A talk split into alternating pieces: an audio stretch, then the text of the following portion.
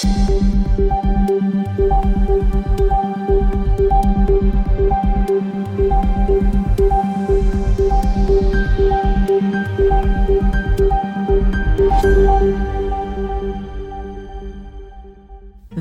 tilbake til Krimnytt, en podkast for deg som ønsker å følge med på aktuelle true crime-saker. For første gang i USAs historie så ble det gjennomført en henrettelse ved bruk av nitrogengass.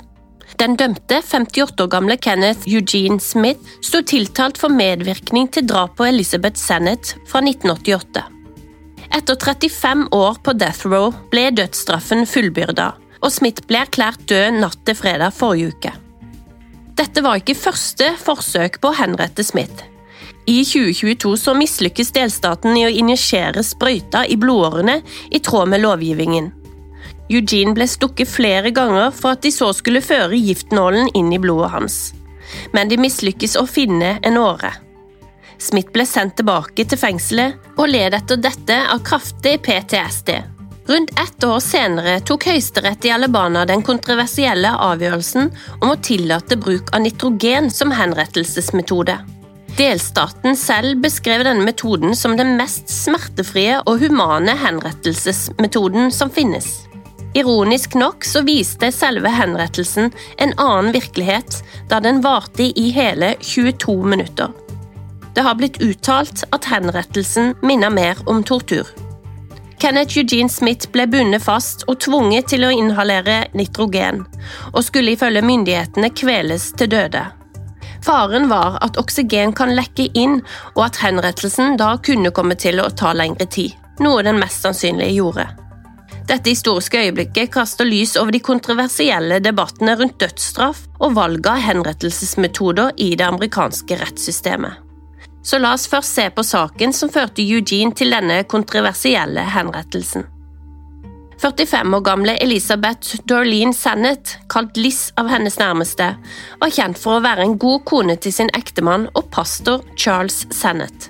Og hun var også en hengiven familiemor til deres to sønner. Elisabeth hadde også rukket å bli bestemor, noe som synes å være en av hennes største gleder i livet. Sjokket var derfor stort når hun ble funnet død i sitt eget hjem i Sheffield Colbert County 18. mars i 1988. Denne dagen kom hennes mann og pastor Charles Sennett tidlig hjem fra kirka og fant sin kone død i en blodpøl.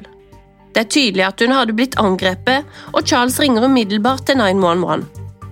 Elisabeth hadde blitt slått med et industrirør og også blitt stukket flere ganger i brystet, nakken, ansiktet og hodebunnen.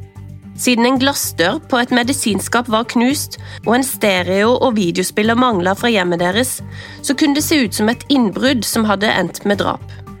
En ting etterforskerne merka seg, var at mannen Charles nylig hadde tatt ut livsforsikring på kona. Og selv om han hadde et vanntett alibi, så fant de ut at han hadde et forhold på si, og hadde tidligere hatt psykiske problemer.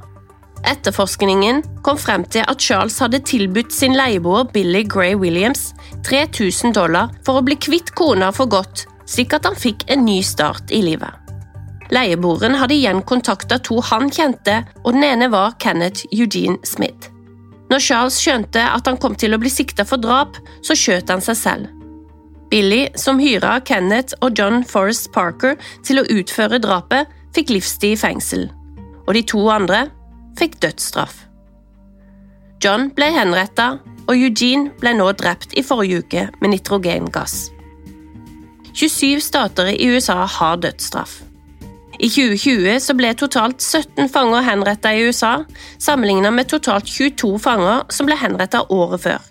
I 1998 så ble 98 mennesker henretta i USA, og det er det året med flest henrettelser. I mars 2021 så åpna senatet i Sør-Carolina i USA om å foreta henrettelser ved skyting. Dette i tillegg til elektrisk stol. Årsaken var at de for tiden ikke kunne henrette noen fordi de ikke hadde medikamentene som bruktes i giftsprøytene. I løpet av 2022 så ble minst 883 personer henretta, noe som utgjør en økning på 53% sammenlignet med året før. Da var tallet 579 ifølge Amnestys internasjonale årlige rapport om dødsstraff. Men det faktiske antallet henrettelser antas å være betydelig høyere.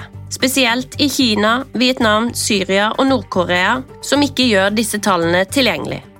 I løpet av 2022 så utførte 20 land henrettelser, og det er en økning fra 18 i 2021.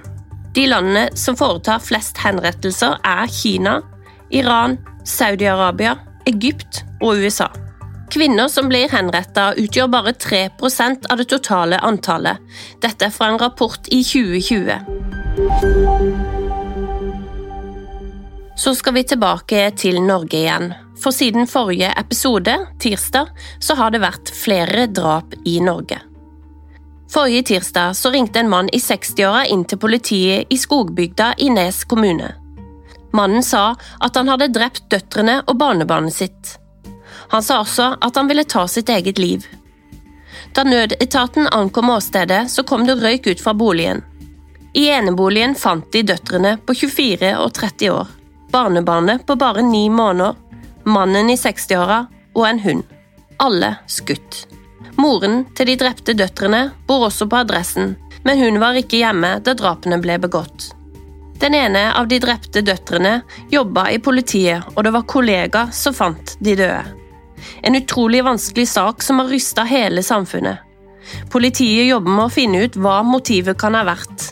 Kollegaer og andre som kjente mannen i 60-åra, har uttalt at dette kom som lyn fra klar himmel.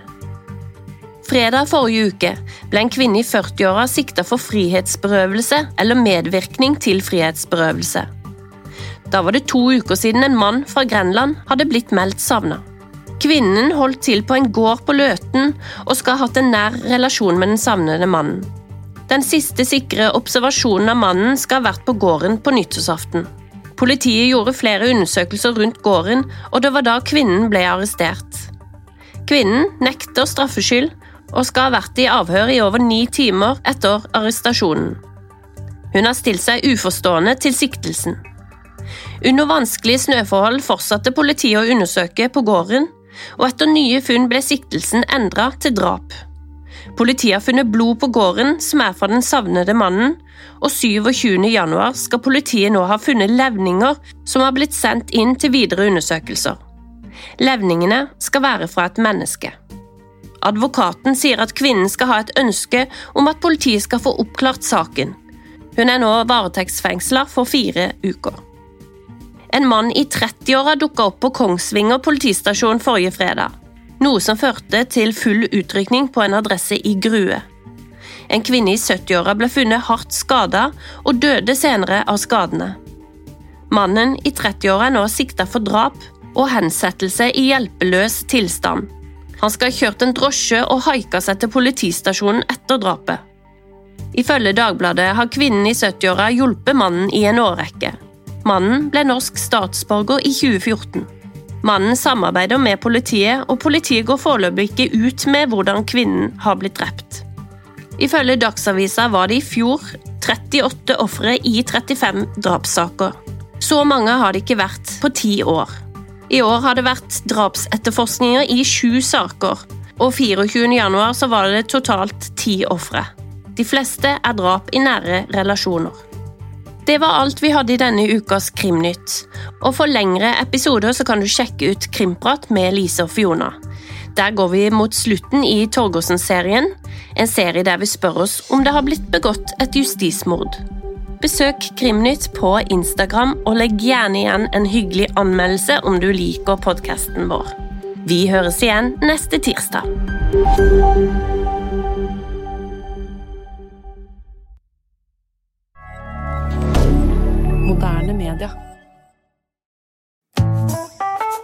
Har du et enkeltpersonforetak eller en liten bedrift?